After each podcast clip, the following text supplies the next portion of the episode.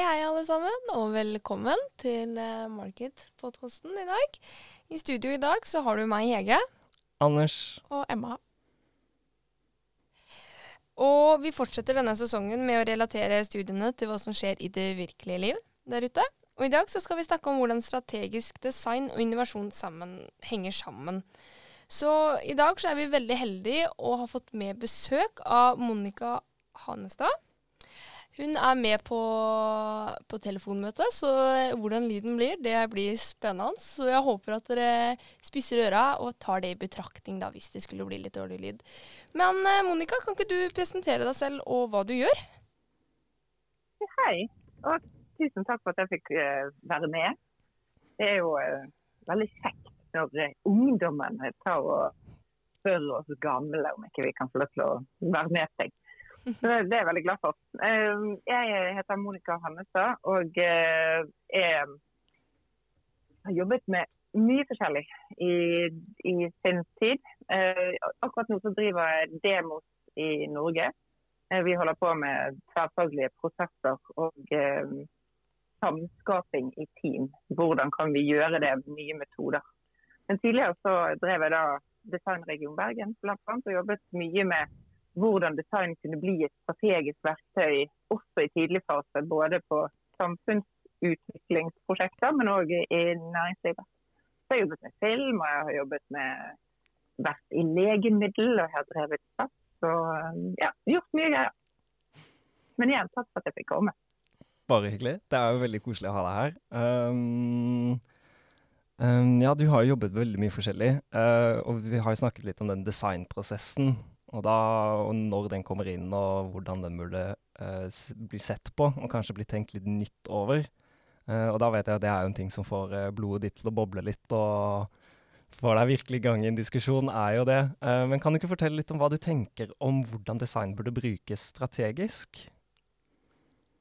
Jo, for det at da jeg begynte i Designregion Bergen, det var jo tilbake i 2007, så var det veldig mange helst litt eldre menn som jeg traff. som var litt sånn 'Å, du er så greit at du er så glad i farger', og 'den grønne sofa er jo veldig flott'. Og, så det var liksom, det var veldig marginalisert hva design var. Og i enkelte miljøer så er jo det fremdeles det. Uh, og Samtidig så vet vi det at tjenesteutviklingen har forbigått produktutvikling for lenge siden. Uh, de alle må nå utvikle gode tjenester for at du i det hele tatt skal være konkurransedyktig.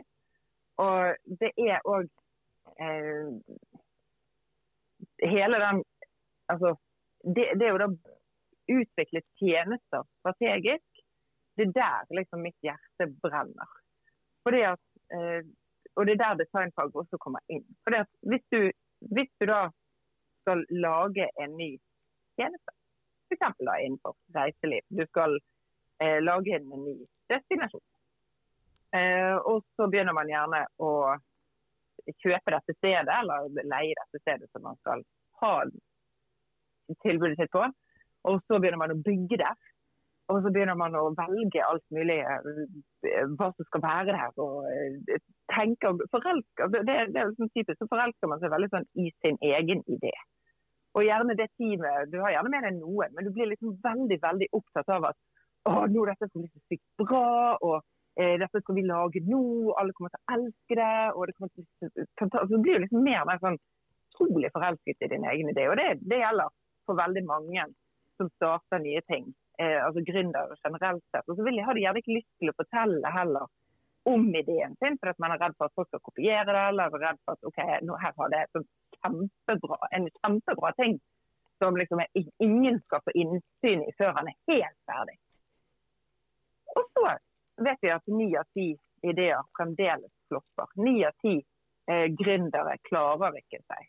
Hm. Eh, og da er jo liksom spørsmålet OK, hva, hvordan kunne man gjort det på en annen måte? Og Da er det dette med å forstå brukeren, og det er jo der design kommer inn. Sant? Fordi at Der eh, økonomen skal forstå tallene og teknologen skal forstå at du skal få det mest sånn fram fra produktet, så er det, er det det å forstå det mennesket som skal produsere det, eller eh, bruke det, eller resirkulere det, eller eh, ja, i det hele tatt altså, vedlikeholde det, service. alle disse interaksjonene som en eller annen løsning har med et menneske i løpet av livssyklusen til eh, produktet, eller da løsningen eller tjenesten, eller hva det er for noe. Og for at vi skal være helt sikre på at det blir det kuleste, beste, enkleste som en bruker har lyst på, så må man bruke design strategisk. Da må man også bruke det faget som faktisk forstår disse menneskelige historiene, eh, eller behovene, strategisk inn helt i begynnelsen. Og Det er der som mitt hjerte virkelig banker. For jeg tror at vi hadde hatt en så mye høyere suksessrate hvis man da hadde våget å også hente inn et fagfelt som man ikke er like fortrolig med eller like øvd i, som man da er sant, innenfor ingeniørfagene eller da økonomifagene eller juristfagene. Eller, altså sånn. Du ville jo aldri igangsatt et selskap uten å få liksom, noe kunnskap inn på, på økonomi eller på, på kontrakter. Eller, altså sånn. Så hvorfor skal ikke du ha også med kunnskap om det mennesket som faktisk skal bruke løsningen eller produktet eller tjenesten? Som dere skjønner, jeg kan snakke lenge om det. Mm, det er jo veldig interessant. Det er jo Vi kan jo bare egentlig sitte her og absorbere det du sier. Det er jo et veldig tankekors. Vi har jo en linje som heter innovasjon på skolen. Uh, og de burde jo da, hvis ni av ti ideer flopper, så er dette definitivt noe de burde begynne å tenke på, i hvert fall. Uh, og vi har jo også et strategifag på skolen. Strategisk ledelse. Uh, og jeg kan jo ikke huske at vi snakket så mye om design i det faget. Nei. Og hvordan liksom brukersnittet faktisk skal se ut. Så det er jo Nå har vi jo experience design og marketing aesthetics som toucher kanskje inn på noen av de punktene. Men vi har vel ikke noen sånn tydelig bro mellom de forskjellige fagene. Um, og innovasjonsfolkene har vel heller ikke experience design og marketing aesthetics, så vidt Nei. jeg vet. Så det er jo kanskje noe som ikke er satt så stort fokus selv på skolen her også, hvor de Mm. linjene går. Um, ja, det er et lite Nei, og tankekors. ja, og det er jo bare fordi at um, altså, I Norge så fant vi olje. Og så begynte vi å bruke all teknologien og all kunnskapen vi hadde for å få opp den oljen. Og det har vært eh, bra for velstanden vår. Så kan vi diskutere hvor bra det har vært for miljøet eh, globalt at man har tatt opp av den oljen. Mm. Men det er nå allikevel det som har gitt oss den velstanden som vi har. Eh, danskene de rotet jo bort eh, denne her eh, grenselinjen til Norge i forhandlingene med Norge før man fant olje. Mm. Og måtte jo da tenke annerledes. Altså, de satset jo på arkitektur og, der, og design. Mm. Det var arkitektene som var designere der til å begynne med, og så ble det utdannet nye, altså egne designlinjer etter hvert. Og Stanford på 60-tallet så begynte jo psykologi- og teknologifeltet, altså eh, fakultetene, å se på OK, hvis vi klarer å ta med psykologifagene inn i hvordan vi utvikler en, eh, teknologien som vi tilbyr fra dette universitetet, da vil vi gi et fortrinn til alle våre eh, kandidater som kommer ut fra dette universitetet innenfor teknologifagene. For da vil de forstå de menneskelige behovene større. Så ble det til det som i dag sant, eh, er verdenskjent som design thinking, som er en metodeutdannelse. Der du jobber med empati tidlig fase, eh, og der alle fagene må være med. For Problemet er jo ofte at man også sier at teknologene sier ja, men nå har jeg denne her tekniske tingen, og da får du finne ut av det, da, kjære designer, hvordan det skal se ut. Mm. For at det skal være best mulig for brukeren. Mm. så, men da får ikke du det beste produktet. Og hvis ikke du har med økonomien i den ligningen heller, nei, men da får du heller ikke det beste produktet. For da kan det plutselig koste en ja, Nå er en bondegård ganske billig etter hvert, men da kan det koste liksom sykt mye. sant? Sånn at det er et eller annet Hvordan klarer vi å, å bruke nå inn i som du er inne på med utdanningssystemet i Norge. Nå fikk vi jo opp en MBA i strategisk eh, design, altså da design thinking. Mm. Eh, og, og vi Det var jo akkurat fordi at vi så at den mangelen som du påpeker her. Hvordan jobber vi tverrfaglig eh, med brukerorientering inn i alle fagene våre? For hvis det er der slaget står. Mm. Du kan utvikle hva du vil. Hvis ikke du treffer brukeren, så er det liksom da er det drit uansett hvor bra teknologisk det er. liksom. Mm. Mm. Så tenker jeg liksom handler veldig mye om det vi lærer i markedsføring, egentlig. Det å forstå brukeren, da, eller kundene, og liksom forstå også hvor de er i f.eks. en kundereise. da. Forstå behovene deres. Hva er det de Mm. ønsker? Og hvor du treffer de og sånt også. Ja, Bruke de riktige kanalene, Mm. osv. Det er jo veldig relevant for vårt studie. Det er jo det. Og, og som Monica sier også, da, det at på en måte teknolo teknologen er ikke bare en teknolog. Han skal kunne samarbeide med oss andre også. Skal vi skape det beste produktet for kunden, så hjelper det ikke at du som økonom sitter der og ja, så mye har du til rådighet, eller teknologen sier ja, nå har jeg fiksa det, da kan du gjøre resten. Vi må alle sammen jobbe sammen. Og det tror jeg nok at, eh, at må bli litt viktigere fremover også, i form av nå, nå går jeg første året. Jeg har fortsatt to år igjen. Dere går andre året, så dere har jo Mm. litt mer erfaring med åssen fag som kommer. Men eh, jeg kan nok tenke meg, og ønsker jo det, da, at kanskje den linken, den eh, åssen man skulle jobba sammen, kan bli litt tydeligere i fagene vi, vi har fremover. Mm, det er jo noe med helheten. Um, det er vel ikke noe som blir veldig tydelig presentert. Nei. Hvilken helhet og sammenheng mange av fagene har. Det må man kanskje finne ut litt på egen hånd. Eh, jeg vet jo, sånn som Kristina som vi hadde sist, har jo funnet ut litt sammenhengen med noen av fagene når hun først har kommet ut i internship, hvor det plutselig ble veldig tydelig at dette var et viktig fag å tenke over. Um, så ja, kanskje Og, og, der, og der kom det igjen tilbake til eh, utdanningssystemet i Norge, eh, sammenlignet f.eks. med Finland. da, mm, som tidlig var ute og så at ok, design thinking, det med tverrfaglig samskaping er helt avgjørende for at du skal lage helhetlig gode løsninger sånn som treffer brukeren, og som er framifrå teknologisk og som er økonomisk eh, bærekraftig. Og så er det da, ok, Hvordan får du tverrfaglige team til å lykkes? For det, det er jo mye forskning på dette her. Og det er store silo-gap her. Sant? Altså gap mellom siloene. Der vi har Vi snakker gjerne om de samme tingene, men vi bruker forskjellige ord. mm, Fordi at man innenfor teknologi snakker om én ting for å beskrive noe, og innenfor økonomi er det om én ting. Og egentlig så snakker de om det samme, men de bruker forskjellige termer. mm, Fordi at disse her fagfeltene har utviklet seg i siloene sine.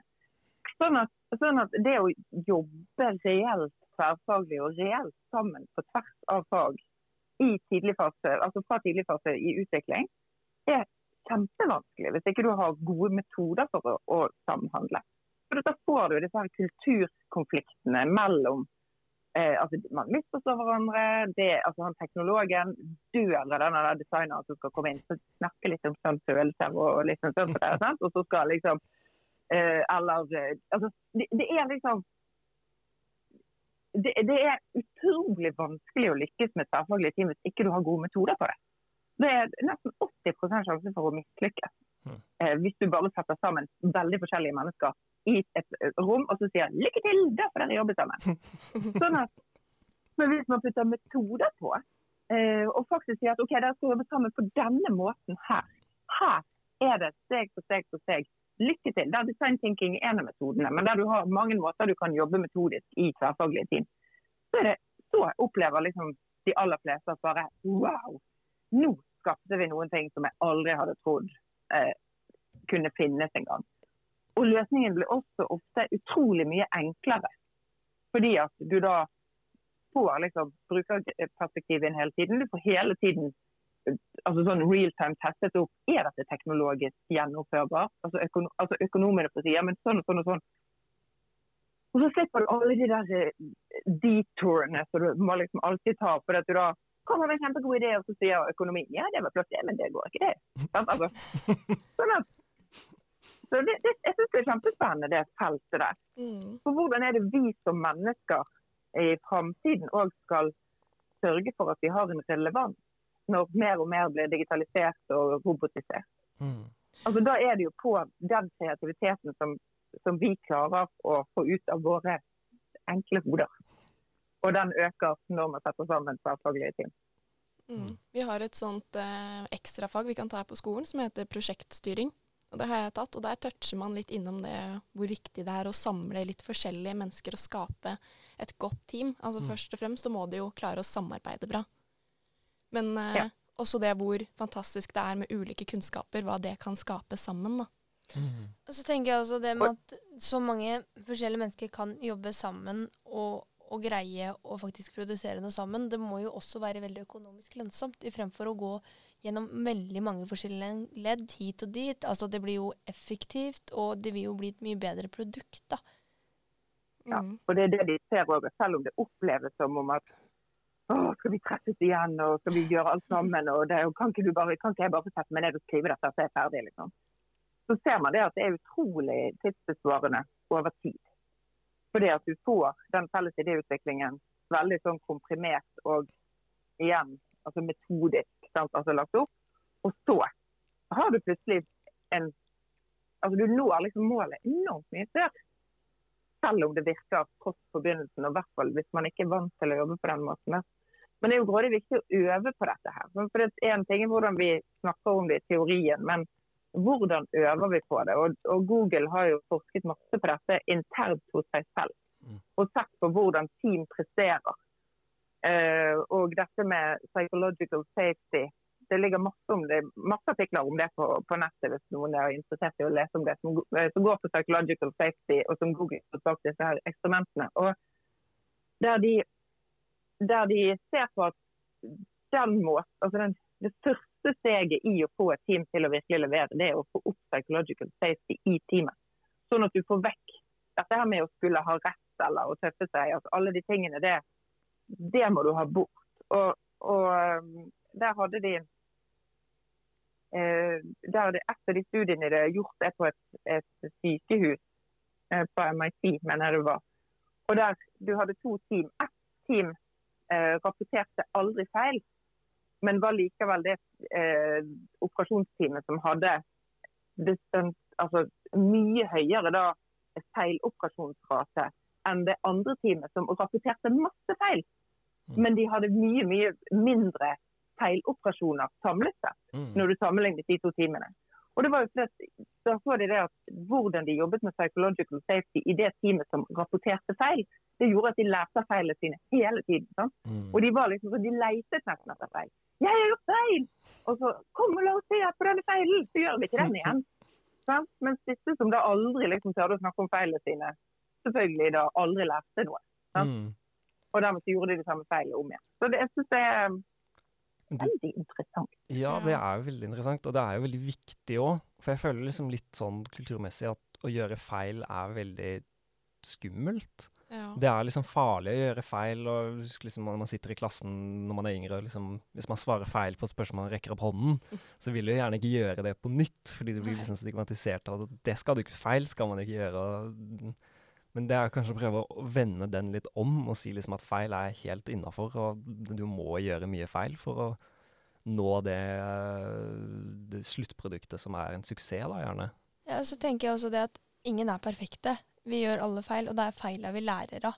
Altså, når vi kommer ut i arbeidslivet, når vi er ferdig med bacheloren vår, da, det er jo ikke sånn at vi er utlært eller, eller perfekte og på en måte det her kan vi.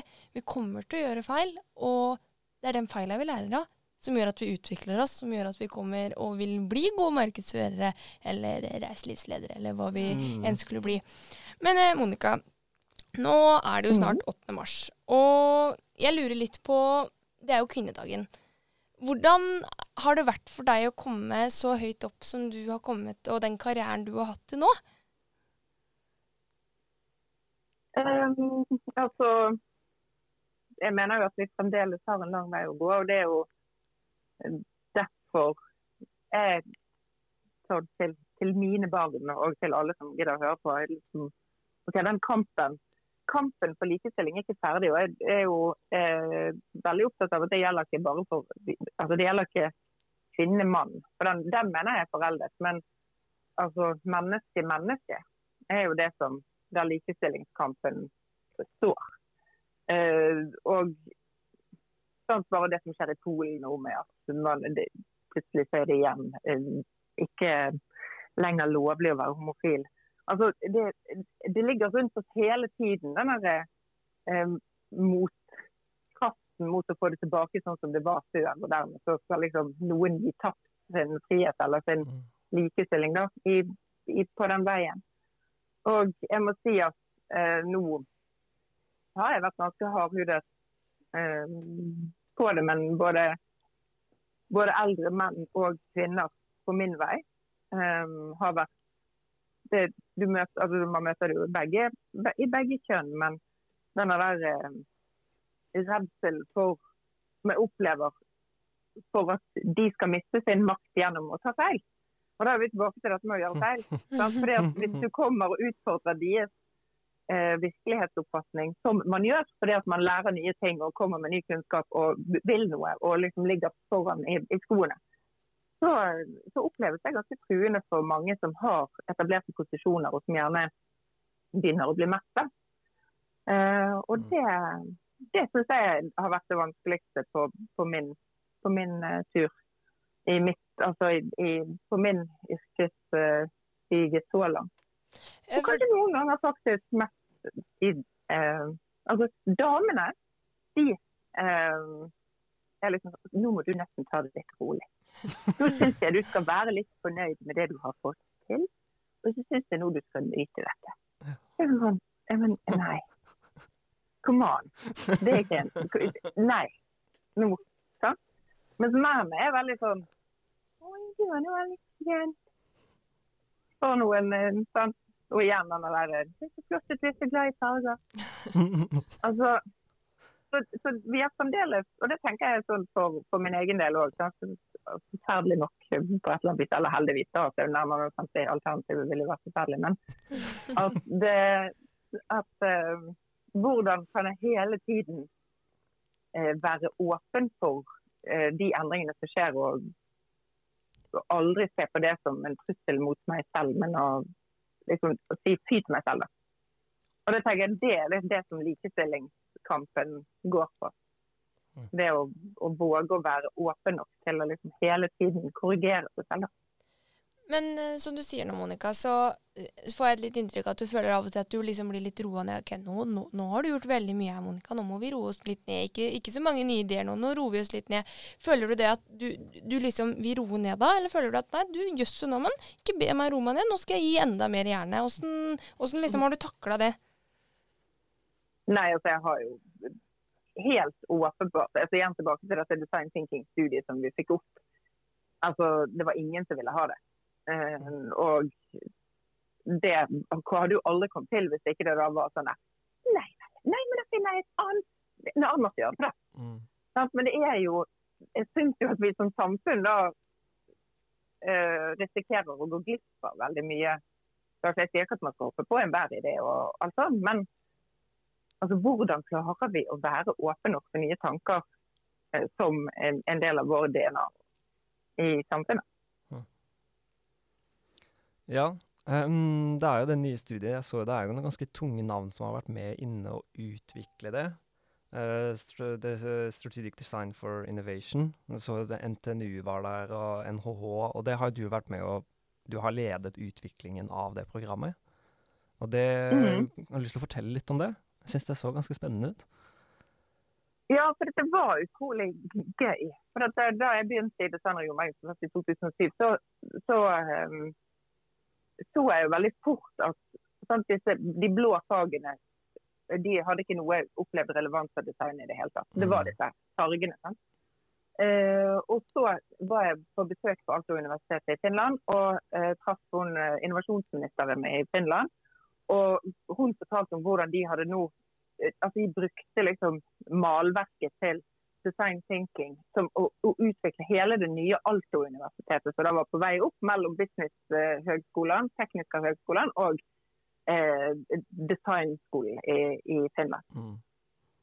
Og I dag er jo Alto-universitetet et av de universitetene som var, altså, ranker høyest som innovasjonsutdanning i verden. Og mm. Alto-universitetet har nå det var oppe og stå fra 2013, og allerede så ligger de på topp i verden. Så det har jo skjedd en enorm utvikling der. Men i hvert fall da når vi var der borte, så var jeg bare helt sånn her her er jo liksom løsningen. På denne måten kan jo jeg få liksom businessfolkene til å forstå verdien av design. Mm. Og teknologene til å være med. De gjør jo det her i Finland. Så jeg kom tilbake igjen og var bare helt sånn her Ja! Og booket med møte med, med rektor på Handelshøyskolen og universitetet. og sånt, som var, var virkelig det. Og kom til de, og det var, det var veldig blandet mottakelse. Eh, bare sånn Å ja, det blir sikkert som han da sa han vel, jeg skjønner, rektoren på handelshøyskolen den gangen, som var revisor, så sier han eh, er, dette er Jeg skjønner på deg at dette er viktig for studentene. Altså, Jeg skjønner det ikke, men på ditt engasjement så skjønner jeg at dette er viktig for studentene. Det er ikke sikkert hvordan vi skal ta det videre. Mm. sant? Altså, men han var i hvert fall åpen nok til å kunne si det. da. Ikke sant? Eh, men eh, så det, det var masse eh, lobbyering og eh, oppoverbakke for å få det til. Og til slutt så fikk vi klyngestatus, for det hadde vi søkt eh, for designfeltet. Og der i det så programmerte jeg inn at vi skulle ha opp et sånn type, en pilot på en utdanningsprogram som lå mellom disse fire institusjonene, altså universitetet med designskole den gangen, Mm. eh, og eh, høyskolen med tekniske, eh, handelshøyskolen med økonom økonomene, og da i samarbeid med NTNU. For de har en veldig bra lab som heter Troll Lab, Mhm. med en design thinking lab der oppe. Ja. Som er, som heter Martin Steinar tar, som er helt genial. Anyways, og så fikk vi opp denne første piloten, men det var vi som betalte for hele piloten. Ja. Altså, så vi fikk de bare med.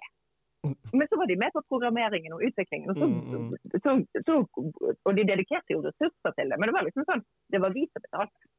Mm. Men uansett. Og så fikk vi da, eh, og så skjønte jo, altså de, de, de som var da koblet på fra de ulike institusjonene, syntes jo dette var kjempegøy. Og virkelig opplevde relevansen av det. sant? Og så Mm. fikk vi opp første piloten og fikk opp da disse forbildeprosjektene, som er jo så viktig å vise at hvordan er det dette da mottas ute i bedriftene. Det var jo det som var. Mm. Så, men da jeg ga meg i Designering om Bergen, så hadde vi hatt 23 forbilde-case og 135 studenter ja. Fire, fire, fire løp. Ja, det var, det var gøy. Det er jo Wow. mm. Wow. Det er jo ikke bare bare det. Det er jo kjempestilig. Ja, veldig. Veldig stilig. Altså, og viktigheten av engasjement. Ja. Mm. Hallo! Mm. Det Ja, og viktigheten av å ikke gi seg. Ja. absolutt, altså. Det er vir virkelig noe å ta med seg, de, eh, de to egenskapene der, altså. Det, det er stilig. Følte jeg fikk en sånn passion, jeg. Ja, Mm, Ja. skikkelig inspirasjon. Jeg er liksom. uh, det er jo et studie du kan ta nå, ikke sant? Følger det det vanlig ja, nå er det Handelshøyskolen som har det, altså igjen i samarbeid med uh, universitetet og høyskolen nå, da. Jeg, Ja. jeg vet ikke hvordan det er med. Altså, nå sitter jeg som sagt, nå er det jo to år siden jeg gikk ut fra Mm. Designring Men er det et masterprogram eller et bachelorprogram? Nei, det er, et, det er en MBA-modul. Eh, men eh, jeg vet at de også har det nå inn på mas altså i, de i en del av de ulike løpene på handelshøyskole i hvert fall. Men jeg kjenner det ikke som sagt nok i detalj nå i og med at jeg ikke sitter på det. Nei, ikke sant. Nei, men Da er det mulig for, eh, hvis noen er interesserte der ute, å gå og titte litt på Handelshøyskolen i Bergen sin, eh, sin nettside for å prøve å finne litt mer ut om dette. Det, Jeg tenker i hvert fall jeg skal inn og se på det. Ja. det hørtes jo ganske spennende ut. Uh, En spennende Mm. retning og kanskje noe som uh, ja, vil gi man et uh, bedre fortrinn fram i, i fremtiden, Mm. rett og slett. Ja, og bare sånn, ikke for å være helt sånn uh, messias her, men det er mange som Særlig mange av de studentene som da har gått der, som kom til meg etterpå bare sa vet du hva, jeg kan ikke se verden sånn som jeg gjorde før lenger. Mm. Ja. Det, det, det er liksom, Jeg har blitt forandret. Og da er jeg litt sånn hm, ja, det er bra. Ja. Da får vi en mer bærekraftig og menneskevennlig verden. Ikke sant? Det er jo de fortrinnene vi vil ha nå i fremtiden. Ja, Så Ja. det er jo veldig viktig. Det, for oss som studenter så er vi heldige at vi kan prøve å velge noe sånt også. Så er stilig. Ja, Ja, dere burde fått det på, på høyskolen. Det vet, jeg mener det. det dette, burde, dette burde skolene selv tatt opp og tatt som, som og inspirert av Alto. Hvordan de gjør det. Du, du får ikke begynne et eneste prosjekt i Alto hvis ikke du har en, en uh, samarbeidspartner, altså som student. Hvis ikke du har en samarbeidspartner fra tekniske og altså fra de to andre fakultetene. Mm. Så ingen av de som får lov til å kjøre prosjekter bare innen ett felt. De må kjøre tverrfaglige prosjekter gjennom hele utdanningsløpet. Mm. Og da jeg snakket med dem da jeg var der borte, så er de bare sånn jeg bare, Wow, gjør dere det? Der, sånn. Og de bare og de ser på meg bare sånn «Eh, Ja, noe annet ville jo vært helt dødt. Og jeg bare OK. Ja, da har Norge, Norge har litt å plukke opp på, men det høres ut som at uh, du et, uh, et, har gjort et solid jafs for å i hvert fall prøve å ta oss litt tettere på en, uh, en annerledes fremtid. Det er jo veldig stilig. Så får vi bare håpe at andre lar seg inspirere. Mm, Hent denne samtalen. ikke sant? Mm. Mm. Så ja. Da Må vi i hvert fall si tusen, tusen takk for at du kunne stille opp, Monica. Mm, utrolig, utrolig Mm. gøy. Det er bare hyggelig. Det er jo dere, det er jo dere fremtiden ligger. Så jeg bare, mm, nå er all liv til dere. Ja. Jeg følger dere opp som fem år. For så sitter og Anders. Husk hvordan gikk det med nå? Ja. Det gikk med Hege og Emma. Det gjelder til dere som hører på også. Ja. Ta til dere Ja. det Monica sier nå. Den her passionen og den her lidenskapen og engasjementet. Ta det til dere. Ta det med videre i studiet. Det er viktig. Mm, Jeg ble i hvert fall inspirert, så. Bra. det er veldig bra. Ja, men da er vi kanskje kommet til veis ende for denne episoden. Um, så snakkes vi igjen neste uke. Det gjør vi da. Og tusen takk til Monica igjen. Takk, takk. Så- Og lykke, lykke til videre. Lykke til med eksamen. Jeg vet at det står i alt med midtveis alt. Mm, mm, Ja. Tusen takk. Tusen takk for det, du. Det er greit. Ha det bra. Ha det. Ha det.